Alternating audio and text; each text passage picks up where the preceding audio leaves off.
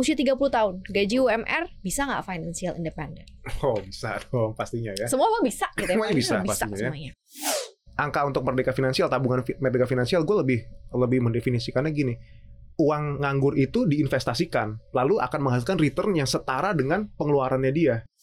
10% atau 20% dari Mm-mm, situ mm-mm. kita tinggal budgetin untuk dua tahun ke depan keluar yang baru kita udah ada duitnya Bener, bener Hmm. banget ya.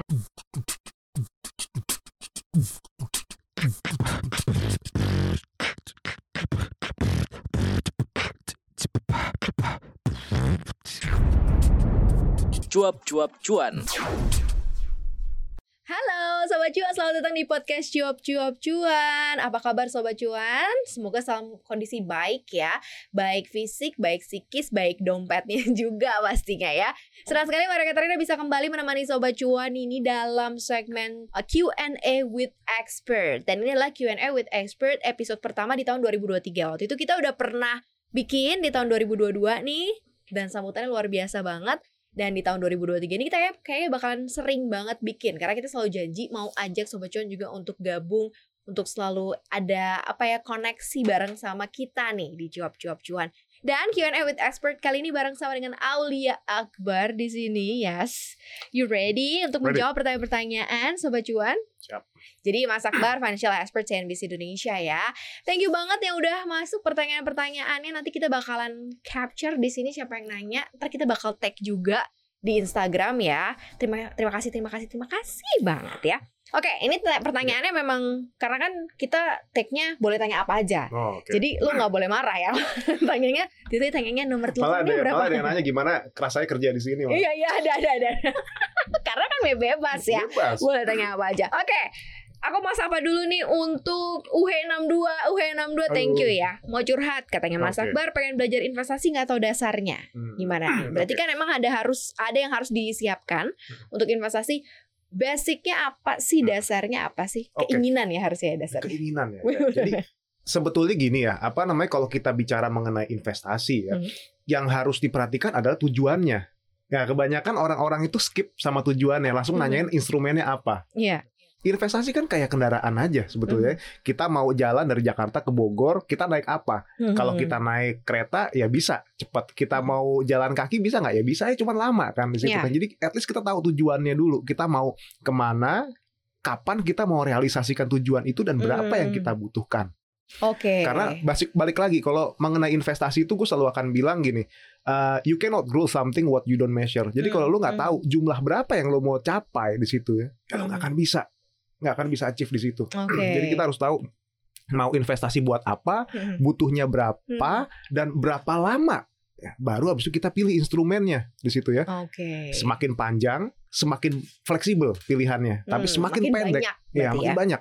Tapi makin pendek jangka waktunya, Hmm. makin uh, disarankan untuk pilih instrumen yang volatilitasnya rendah Hmm. atau Oke. risikonya kecil. Jadi justru lo set up dulu, setting dulu tujuan lo apa. Ketika lo mau mulai investasi dasarnya apa ya? Oke, saya punya tujuan. Tujuannya apa? Macam-macam. Misalnya bisa buat dana pendidikan anak gitu Betul. ya. Atau bisa dana pensiun yang lebih panjang lagi. Baru nanti kata Mas Akbar di set up deh instrumennya. Jadi sebenarnya kalau dibilang nggak ngerti dasarnya, dasarnya tujuan investasinya dulu Betul. ya. Hmm. Tujuannya mau buat apa dan mau ngapain gitu ya. Mudah-mudahan menjawab ya Uhe. Kemudian ada pertanyaan dari eh, Natalie. Hai Natalie, thank you. Ya Natalie nih pakai N. Kak, aku tuh pengen bisa FIRE ya, financial uh, independent retired early ya. Ini selalu deh financial independent retired early kayak pengen buru-buru buru-buru pengen pensiun ya gitu. Hmm. Padahal gue pengen kerja sampai sampai selama-lamanya gitu ya. Tapi kendalanya sebagai sandwich generation, again and again ya. Gimana ya bisa mencapai FIRE dengan kondisi seperti itu? Oke, balik lagi kita bicara lagi mengenai investasi. Berarti kalau Hmm. fire kan kita harus punya cash, ya. Mm-mm. cash dalam artian yang jumlahnya cukup besar, ya, yang bisa kita investasikan ke instrumen yang uh, imba, yang risikonya kecil ya. Let's say surat Mm-mm. utang negara, Mm-mm. ya, cuma 6 atau 5 persen, tapi itu bisa uh, menghasilkan imbal hasil, ya, memberikan imbal hasil yang memang bisa menutupi kebutuhan kita, bahkan Mhm. sampai kebutuhan lifestyle kita. Mhm. Bahkan kalau bisa sampai ada sisanya bisa kita investasikan lagi gitu. Kalau kita Oke. mau fire itu sendiri. Mhm. FIRE itu kan sebenarnya pada end up-nya nanti duit yang akan kerja buat kita Exactly, kan. exactly ya. Berarti Makanya itu kan berarti butuh proses dan butuh banyak proses, hal yang butuh proses dilakuin. dan butuh waktu juga. Dan balik Mm. lagi investasi nggak ada yang bisa guarantee gitu Ya. ya. Lu pasti akan dapat kalau misalnya kita lihat pakai rumus-rumus ya time value money. Ya kalau misalnya tiap bulan gue nyisihin segini di instrumen yang begini kan teorinya kan begitu. Tapi Mm-mm. kan pada faktanya kayak hari ini kan IHSG udah Parah banget. ya. Ya, Makanya di situ Ketika ya. kita tapping ya, ini parah, banget. parah banget Hmm. gitu. Nah, basically di situ ya. Cuman at least kalau mau fire ya nggak ada salahnya juga kita bikin perhitungan kasar ya. Hmm. Uh, berapa yang kita butuhkan untuk bisa fire itu harus tahu teman-teman harus tahu Hmm. pastinya terus berapa lama untuk mencapai fire itu Hmm, ya dan oke. nanti ke- kelihatan angkanya berapa baru kita lakukan uh, investasi secara rutin Hmm. tapi berhubung ini adalah sandwich Iya, ya masalah nggak tuh? nah kita tentu kemampuan investasinya agak sedikit uh, tertahan mungkin ya Hmm, apalagi hmm. kalau misalnya statusnya mungkin masih karyawan ya nine ya 9 to 5 gitu ya Hmm. mungkin bisa dibilang ada beberapa yang penghasilannya pas-pasan, ada yang beberapa yang memang sudah bisa double digit gitu ya. Hmm, Kalau hmm. udah bisa double digit ya oke lah. Nah cuman balik lagi eh, alokasikan ya pertama kali kalau misalnya kita generasi sandwich penting banget untuk punya proteksi keuangan. Itu Hmm, dulu deh, hmm. diprotek dulu keluarganya ya. Ah, punya asuransi kesehatan, punya asuransi jiwa dulu, punya dana darurat yang cukup, barulah kita mulai investasi. Dan pastikan juga anggota keluarganya diedukasi. Iya, jadi, iya, iya, iya. Kalau dia doang yang jago keuangan, percuma. Yang lainnya konsumtif, percuma. Nggak bakal bisa fire. Yang lain Hmm. harus ikut mendukung si pencari nafkah, utamanya untuk bisa fire juga. Hmm, Gitu. Jadi fire pun bisa di set up kalau kamu mulai karir kamu di umur 25 tahun misalnya. Kamu fire kapan sih? 45 tahun, berarti 20 tahun. Apa yang bisa dilakuin, apa yang bisa dikerjain. Kemudian ya itu karena sandwich ya mungkin di awal yang paling harus kamu jaga adalah tujuan keuangannya, Betul. cara menjaganya proteksi keuangan dengan mengasuransikan mungkin orang yang paling beresiko ya di Ya, rumah itu ya kayak Dirinya juga harus dirinya juga Hmm. ya kan atau mungkin orang tuanya yang udah sakit-sakitan Mm-mm. mungkin itu bisa eh, diproteksi lah gitu sehingga nanti lancar nih atau cukup pada on track atau mungkin tambahannya bisa side hustle kali ya Yes, itu bisa itu cari kerjaan Itu aja. tambahan kali karena Itu kan masih muda juga nih Kalau dia penghasilannya pas-pasan ya mau nggak mau side side hustle biar dia Hmm. bisa eh, biar uang yang dialokasikan setiap bulannya bisa lebih gede di situ ya. Mhm. Jadi butuh yang namanya side hustle. jadi fire tuh sebenarnya sejauh mana dan sebesar apa pengorbanan kamu Yes.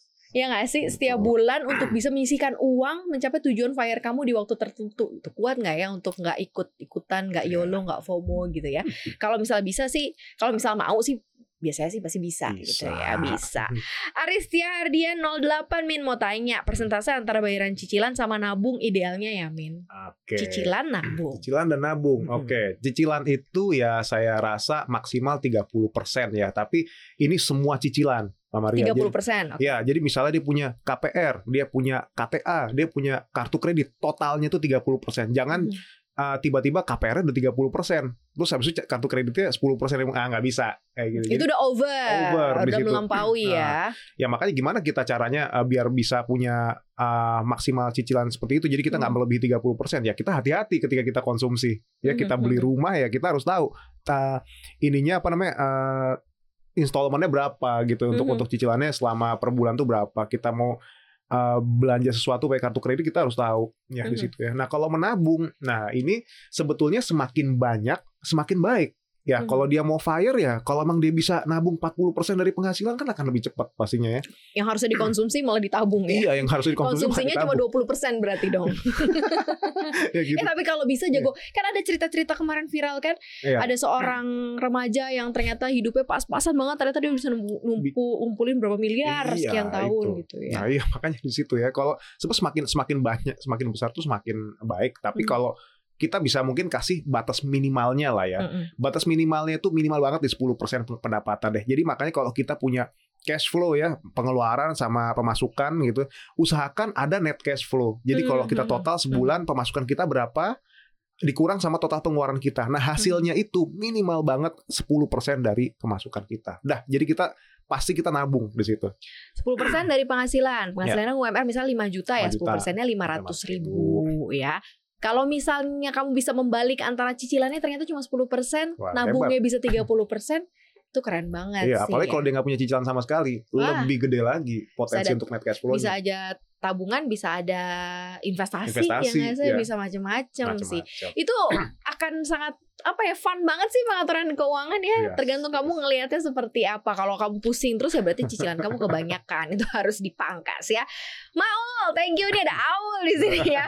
Kak, aku anaknya susah nabung, tapi aku nggak pernah telat bayar utang. Jadi kadang aku pakai kredit kartu kredit nih untuk beli emas Ah. atau barang yang aku mau. Salah nggak sih? Oke, ini nih nih, ini lumayan ya. Mungkin agak-agak tricky juga. Ini hanya orang-orang yang mungkin matang finansial Ya, nih bisa deh. kartu kredit buat beli emas berarti sama aja kayak kita cicil emas sebetulnya. Wah, dia jadi mem- mempergunakan ini. Oke. Gimana tuh mas? Sebetulnya gini ya, kalau kita bisa sekarang udah ada tabungan emas ya, Mhm. udah ada emas digital juga yang mana kita bisa beli emas tanpa kita harus ngutang ya Mhm. dengan modal yang kita miliki. Mungkin dapetnya cuma 0, berapa sekian gram gitu Kayaknya ya. sih dia kepengen langsung mungkin setengah atau serat apa satu gram, Satu gram gitu. gitu ya. Jadi gitu. ada fisiknya langsung Nah, kelihatan. biasanya kalau kayak gitu, kondisi di mana seorang itu akhirnya cicil emas itu kalau dia mau nikah gitu ya, Mhm, habis itu dia mhm. butuh mahar. Mhm. Ya udahlah mau nggak mau cicil emas dulu biar dapat dulu nih. Iya. Waktu itu cuman masa ya ma- maharnya pakai Buat ngutang. gitu. kayaknya utang dibayar utang dong nggak dibayar tunai. Kalau iya, kalau kalau menurut saya sih ya kurang bijak sih ya sebetulnya Mhm. kartu kredit buat uh, beli emas. Tapi kalau memang kita manfaatkan kartu kredit buat biar pembayar, biar pengeluaran kita lebih tertata. Misalnya Mhm. setiap bulan nih, oke saya belanja memang pakai kartu kredit biar mah biar saya tahu hitungannya segitu. Go ahead di situ ya. Cuman Mhm. kalau ternyata beli emas gitu ya buat investasi, terus habis itu pakai nyicil juga, eh mendingan tabungan emas deh. Oke. Emas. Jadi mendingan dialika, dialokasikan emang yang ke tabungan emas. Jadi Iya. kalau misalnya punya budgetnya cuma bisa 0, sekian gram, 0, sekian gram, nanti kamu baru cetak pas ketika satu gram gitu ya. Betul. Mungkin Maul kepengennya langsung pegang nih fisiknya satu gram gitu. Nggak Tapi sabaran ya. nggak sabaran. Tapi kalau seandainya mungkin masih bisa maintain sih ya fine. Tapi jangan Fine. sampai nanti si apa namanya persentase utangnya makin membengkak. Hmm. Tapi in case nih ya, Hmm, lain iya, case banyak banget orang yang memang pengen mencapai atau pengen mili- Ya. memiliki sesuatu dengan cara ini. Menurut lo agak lumayan berbahaya nggak sih? Misal pengen punya tas branded, misalnya harga 30 50 juta. Nggak bisa beli cash langsung tapi Hmm. karena pengen supaya gaya gengsinya naik akhirnya dia belilah pakai kartu kredit dia Oke. mencicil sih Oke, oke. tapi kan ya agak-agak lumayan Ya, ya. berat juga ya kalau misalnya cuma satu tas mewah kalau ada lagi barang-barang branded lain gimana Nah, gitu.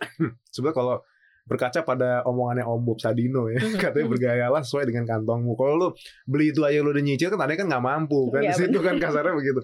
Makanya kayak agak-agak agak-agak concern nih sebetulnya di Mhm. sini cuman ya kalau kita beli ya sesuatu uh, let's say tas uh, tas branded atau jam tangan mahal gitu terus kita pakai cicilan gitu ya kita kan mencicil suatu barang yang nilainya ini bisa dibilang terdepresiasi ya. Even banyak orang yang bilang ini investasi. Katanya kalau tas ya. Katanya. dengan kondisi limited tapi kalau nggak limited ya Cuman ya kita bisa ya? kita sendiri nggak nggak akan tahu nilai intrinsiknya berapa Mm-mm, gitu kan. kita nggak tahu nilai aslinya dia nilai wajarnya dia berapa dan kenaikannya tuh seberapa persen sih Mhm. di kemudian hari. Jadi sebetulnya itu kurang bijak. Tapi kalau pada dasarnya mau gimana kalau solusinya direncanakan aja belinya. Jadi Mhm. misalnya beli tas beli pengen beli eh, tas branded berapa puluh juta gitu ya Mhm. berapa berapa tahun lagi atau berapa bulan lagi nanti ketahuan harganya sekian per bulan nabung berapa di reksadana atau di Hmm, tabungan mhm. uh, biasa gitu kan itu kan akan lebih uh, aman gitu keuangan dibanding kita harus nambah utang lagi nambah Jadi utang mendingan kita siapin uangnya untuk beli barangnya Iya. gitu ya. Ah, Padahal tuh juga kalau barang-barang branded kayak gitu juga kenaikan atau inflasi harganya nggak terlalu tinggi-tinggi banget kali ya. iya Mungkin nggak sih 30 juta tahun ini besok tahun depan jadi 50 Hmm, juta. kayaknya enggak juga kayak, kayak sekarang inilah biasanya kayak gitu kalau limited ya kayak waktu dulu Mhm. Wah, ntar gue sebut sebut merek lagi nih. Ada ada Mhm. ada jam tangan kolaps lah ya. Mhm. Merek mahal sama merek yang uh, terkenal murah tuh dia kolaps berdua dan akhirnya diborong sama orang kayak Mhm. kayak sneakers yang itulah Iya, gitu iya, dan iya, akhirnya iya, orang iya, pada iya, raffle pada Mhm. saat itu kan dan harganya naik melambung dalam Mhm. jangka waktu jangka waktu untuk eh, jangka waktu pendek gitu ya. Cuman nanti ya seiring berjalannya waktu ketika itu udah nggak ada yang suka lagi harga juga turun lagi gitu yang yang kemarin Mhm. ngeborong itu juga bakal banting-banting harga juga gitu kan Mhm, di situ. Jadi menurut gue sih ya lebih baik disiapin uangnya dulu deh dibanding beli langsung pakai kredit gitu kan. Iya, iya, Ujung-ujung iya, nambah iya. pema- nambah pengeluaran, pengeluaran pasif jadinya kan. Iya soalnya itu kan bentuknya keinginan ya. Jadi Yes. sesuatu yang berhubungan dengan keinginan ya dipikirin dulu gitu, dipersiapkan dulu bener nggak? Jangan-jangan kamu kalau misal kamu udah ngumpulin duitnya, udah ada duitnya, malah sayang kan mau dipakai berarti nggak pengen-pengen banget sebenarnya. Itu tuh cuman kayak mungkin eh, FOMO aja Ya, atau YOLO aja, impulsif, impulsif doang, kepengenan Mata doang mata. gitu ya. Yang setelah kita pegang, ih ngapain sih gue beli ini? Sering nggak tuh sobat cuan kayak gitu ya? Oke, mudah-mudahan menjawab ya Maul tadi ya soal masalah kamu pakai kartu kredit kamu buat beli emas ke tabungan emas juga bisa ya. Oke, ada si tim underscore 08 usia 30 tahun, gaji UMR bisa nggak financial independent? Oh bisa dong pastinya ya. Semua mah bisa gitu ya. Semuanya bisa bisa pastinya ya. semuanya. Tapi balik lagi mau berkorban apa enggak nih? Nah itu That's the point. Hmm. challenge-nya di situ ya. Sekarang kita punya penghasilan UM, UMR lah ya di Mhm. situ. Bisa dibilang mungkin pas-pasan banget gitu. Mhm. Tapi kita coba tanya ke diri kita sendiri deh. Mau mau sampai kapan punya penghasilan eh, sebesar itu gitu ya. Mhm. Kan susah nanti untuk achieve targetnya. Segitu untuk financial freedom-nya akan susah. Mhm. Tambah penghasilannya ya. Upgrade diri sendiri dulu. Belajar dulu, knowledge-nya diperluas dulu, barangkali akan ada potensi karir lagi Mhm. kita cari kerja dapat kerjaan baru taunya gajinya naik tiga kali lipat. Possible nggak? Possible banget. Ya. Oke. waktu dulu banyak startup tuh banyak anak-anak yang asalnya gajinya UM- UMP taunya pas masuk sana udah double digit kayak gitu kan. intinya kita sendiri kita dulu yang harus belajar gitu ya. Nanti eh, peluang atau potensi eh, kerja dan lain sebagainya itu akan akan datang akan datang juga sih di situ. Dan upgrade skill juga agar kita bisa eh, side hustle juga ya buka-buka eh, freelance Hmm. Iya, atau iya. buka bisnis eh, sampingan dan lain sebagainya. Lo pernah ngitung gak sih berapa duit yang kita perlukan untuk kita bisa merasa financial freedom, financial independence gitu. Pernah gak sih lo hitungin? Kalau pernah sih ya pasti karena Hmm. ada ada nasabah gue juga yang eh, hitungannya bervariasi gitu ya. Jadi kita nggak bisa Misalnya contoh gaji yang pernah lo hitungin deh supaya dia mencapai financial freedom. sebetulnya pengeluaran sih. Tok. Oh ya, Tolak pengeluaran, oke. ya. Tolak ukurnya Pengeluaran ya. per Kalau- bulannya berapa dia? Ya kalau pengeluaran per bulannya tuh rata-rata rumah tangga itu di 10 ya. 10 juta ya. Itu ya kasarnya menengah ke atas lah Hmm. ya. Orang yang gajinya dua double digit mostly di situ, kalau nggak di 15. Hmm. Ya bayangin aja kalau misalnya 120 juta setahun gitu ya, kita hitung uh, nanti ke depannya itu berapa dengan inflasi uh, sekian persen gitu. Ya nggak nggak salah juga ketika kita nemukan angkanya ternyata oh ternyata 5 miliar gitu yang yang Hmm. dibutuhkan untuk merdeka Hmm. finansial gitu. Sebetulnya kalau angka untuk merdeka finansial tabungan merdeka finansial gue lebih lebih mendefinisikannya gini uang nganggur itu diinvestasikan lalu akan menghasilkan return yang setara dengan pengeluarannya dia Hmm. ketimbang terus kalau misalnya kita pakai aja gitu sampai kita nanti pensiun bisa nggak sebetulnya bisa juga cuman kan habis ya yeah. uangnya iya. jadi lebih baik jadi di situ sih sebetulnya jadi kalau ya kalau sekarang orang punya 5 miliar tuh udah udah oke sih sebetulnya untuk Mhm. untuk dia punya kehidupan yang stable gitu ya Untuk stable tuh berarti 5 miliar itu dia gunakan juga untuk daily life, eh, monthly life juga. dan itu itu Dari situ kah Ke- karena uangnya beranak terus atau kayak gimana Mas? Ya mungkin lebih lebih seperti itu ya. Jadi itu kita kita Hmm. investasikan tapi ya tapi dengan cara kita investasikan jangan kita pakai di situ. Jadi at least dapat penghasilan pasif lah. Cuman balik lagi ya kalau Hmm. emang gaya hidupnya dia glamor ya bakal cukup segitu ya pastinya. Oke, itu tadi ya beberapa pertanyaan. Masih ada lagi nih. Oke, Mi underscore rantau. Kak, aku anak rantau, Kak. Gajiku 7 juta. Idealnya uang yang aku tabungin berapa banyak ya? Terus perencanaan keuangannya gimana supaya aku bisa investasi? 7 juta is big, man. Cukup gede loh. Tapi anak rantau. Berarti mungkin ada pos mengirim ke orang tua. Nih, gimana nih? Ada pos pengirim orang tua dan ada pos sewa hunian Sewa juga. hunian ngekos Pasti ya. ya. Nah, itu yang jadi eh, yang jadi beratnya biasanya. Nah, apa yang bisa dilakukan? Pastinya banyak ba- eh, ini sih, apa namanya? Memba- menentukan di awal besaran yang bakal kamu spend buat eh, lifestyle. Mhm. Jadi jangan sampai itu jadi pengeluaran variabel. Variabel itu Mhm. istilahnya pengeluaran yang tidak tetap. Kayak Hmm, oke. bensin ya, itu kan variabel. Kita banyak pakai mobil, pakai motor, otomatis jadi gede. Tapi kalau Mhm. misalnya kita cuman pak pakai pakainya nggak lama-lama, ya bensinnya dikit gitu. Mm-mm, Nah itu mm-mm, harus ditetapkan di awal, dibajetin di awal maksimalnya di berapa. Hmm. Lalu alokasikan uang ya kalau misalnya bisa 30% dari penghasilan buat investasi. Hmm. Nanti investasinya sudah harus diarahkan. Ini untuk biaya nikah, ini untuk biaya beli rumah nanti, ini untuk Oke. eh, pensiun dan lain sebagainya. Fokus ke yang jangka panjang dulu ya. Hmm. Jangka pendek kayak liburan nggak achieve gitu gimana ya udah Mhm. dibiarin dulu. Tapi yang penting jangka panjangnya pensiunnya itu harus eh, inilah harus apa harus biar terlaksana lah Mhm. investasinya lah jangan sampai di skip. Dan dana darurat juga penting Iya, juga ya untuk itu pertama. biaya. Itu yang paling pertama. Jadi nih Miranto kan kamu gajinya 7 juta. Yang pertama kali berarti kamu harus eh, set adalah eh, 30%-nya itu untuk eh, investasi Ya. gitu ya. Karena kan kamu bilang gimana cara untuk investasi. Jadi 30% dari 7 juta ini kamu keluarin berapa tuh? Pay yourself first dulu aja. Ya 30% kita hitung aja sekarang ya. Itu aja coba hitung aja. Ya 2,1 juta lah. 2,1 juta. Langsung Oh di ya. awal bulan. Jadi langsung dialokasikan. Lalu sisanya ya kamu buat bayar kos kamu, mungkin kamu bisa Mm-mm. kirim ke orang tua buat kehidupan sehari-hari kamu. Dan memang sih lebih baik ya nggak ada utang, Betul. ya nggak sih? betul betul betul nggak punya utang ya kalau bisa sih jangan ada utang konsumtif apalagi gitu. Nah kalau ada utang eh, yang produktif kamu mulai nyicil rumah, nah itu mungkin bagus tuh karena kan buat aset di kemudian Betul. hari ya. Oke, nanti kita akan coba bikin di sini nanti nih. Itu gitu karena kayak gimana ya untuk untuk Mirantau ya.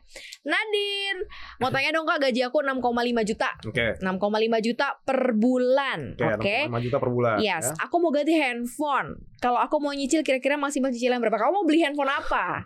Kamu beli yang terbaru. I, itu I yang terbaru berarti 15 juta tuh. 15 juta ya berarti ya Mm-mm. kalau dihitung secara idealnya ya 1,95 itu bisa cuman balik lagi tadi kayak yang 6,5. tadi gue bilangin ya kalau gimana kalau lebih baik direncanakan aja beli yang I itu kapan ya harganya Ditabung berapa. dulu. ditabung dulu nanti ketika uangnya udah ada Mhm. silakan decide ayo mau beli atau enggak nih di sini Oke. Tapi kalau sudah kita bicara dari 6,5 juta, boleh nyicilnya kan 30% ya nih. ya 1,95 1,95 ini boleh gak sih buat handphone aja semua? Eh, untuk apa dulu handphonenya kalau menurut gue Atau kalau misalnya untuk kalau udah ternyata udah punya cicilan di tempat lain mah nggak boleh Oh, harusnya boleh, handphonenya nggak sampai segitu ya. nggak boleh. Ya ya kalau bisa dari 1,95 dibagi dua dulu deh segitu ya dibagi dua jadi 900-an, something 800. ya ya. satu juta atau sembilan ratusan I think it's okay lah ya kalau memang tapi dengan catatan handphonenya adalah aset produktif ya memang gadget itu aset konsum aset ini sih aset terdepresiasi cuman kadang-kadang kan ada yang dia pakai produktif dia pakai buat kerja dia pakai buat konten dapat duit gitu atau jadi gimana lah gitu ya Mhm. Nah Mhm. kalau itu adalah aset produktif ya saya rasa sih nggak masalah ya untuk dia pakai cicilan dulu. Jadi hitungannya ya kayak pemakaian jangka panjang juga atau setahun juga udah dia bakal pakai tuh mungkin lima tahunan ke atas gitu ya. Oke, kan kalau 30% itu kan biasanya sebagai proporsi kita bayar hutang setiap bulan ya. Ya. Nggak ada dibagi ya, kayak misal uh, yang boleh dipakai buat yang produktif atau konsumtif. Oke. Konsumtif tuh harusnya berapa? Jangan sampai 30% lah. Mungkin Ya. jangan-jangan cuma 10%, aja 10% gitu. Udah bagus banget itu. Ya kalau bisa 10% I think it's good lah. Karena Hmm, Kayak balik 650 ribu berarti Iya. kamu bisa pakainya. karena sebenarnya debt, debt service ratio itu ya rasio cicilan utang lah itu kan emang ketika orang akan nyebutnya 30% aja cuman nggak akan pernah dibagi berapa. Cuma kalau emang dia bisa cuman 10% 5% ya kenapa enggak gitu. Kalau kalau perlu nggak ada ya lebih baik nggak ada sebetulnya di situ ya. Sebisa mungkin sih ya, apalagi untuk hal-hal yang bersifatnya keinginan, jangan ngutang gitu atau jangan nyicil ya. Kamu nabung eh, untuk si handphone si I itu untuk ngejar 15 juta dengan gaji enam setengah juta berarti berapa lama tuh? Wah, itu Coba ada. hitung. Oke, kita lihat Kalau ada expert tuh enaknya gitu, suruh hitung-hitung aja dia ya kan. kalkulatornya kalkulatornya ada di, ada di laptop sih. Cuma Hmm. kita kita coba ya. Kita coba manual Kita saja, manual kayak Kita gimana. coba manual sih ya di sini ya. Enam setengah juta nih kan gajinya. Tadi kan disarankan sama expert nabung dulu untuk ngejar si I yang harganya 15 juta. Ya. Oke. Harganya 15 juta ya berarti ya. kan enam juta lima ratus nih. 500 Kalau ya. ambil 10 persennya kan enam ratus lima puluh ribu, 650 ribu, ya ribu, ratus ribu. Kalau misal diambil 20 persennya kan sekitar Ya, 1,3 jutaan. Iya, iya, iya. Ya, ya kalau mau kalau mau 10% ya 23 bulan lah kekumpul lah itu. 22 tahun. 22 tahun lah. Udah keluar lagi yang baru sih. Keluar lagi yang baru gitu. Cuman ya nanti gini sih ya tinggal di set lagi aja gitu kalau kita mau dua dua dua tahun kita inflasiin aja kita hitung aja. Misalnya Mm, mm, mm, dari mm, mm, 15 15 persen kenaikannya berapa tuh? Let's say 10 persen atau 20 persen dari situ kita tinggal budgetin untuk dua tahun ke depan. Keluar yang baru kita udah ada duitnya. Bener, bener Mm-mm. banget ya. Tapi ya itu balik lagi handphonenya emergency banget nggak sih? Dan ya. harus banget apa enggak sih kamu ganti sekarang? Atau ganti yang semahal itu sekarang. Kalau kamu bisa beli cash dengan yang harganya mungkin masih terjangkau ya Hmm, kenapa enggak ya kan? Mendingan uh, beli cash gitu ya. Mungkin nanti next ya ini sambil dipersiapkan. Nah, sebenarnya cara kayak gini Hmm. lumayan membantu juga loh sobat cuan untuk kita mendisiplinkan diri. Biasanya nih kalau duitnya udah kekumpul dan udah, udah cukup banyak, sayang mindsetnya bener ya sih? Mindset finansial kita untuk menggunakannya secara langsung biasanya agak-agak agak agak-agak gitu ya. oh sayang nih gue nabungnya 23 bulan bener gak sih bisa buat yang lain-lain nah ini ngebantu banget sobat cuan untuk kemudian makin dewasa ya memahami uang sobat cuan gitu keren banget nih sayang banget gak bisa dijawab semua tapi udah lumayan banget banyak yang dijawab sama Mas Akbar nanti kita akan banyak kasih post post post pokoknya stay tune terus liatin Instagram @cuap underscore cuan Spotify juga jangan lupa Apple Podcast Google Podcast juga dan di uh, YouTube channel kita. Kalau nonton nanti langsung aja komen di bawah mau tanya apa lagi. Next kita bikin Q&A part ya, berikutnya part ya. Thank you banget Mas Akbar ya. Siap. Asik banget. Terima kasih. Kita pamit ya. Bye bye sobat cuan.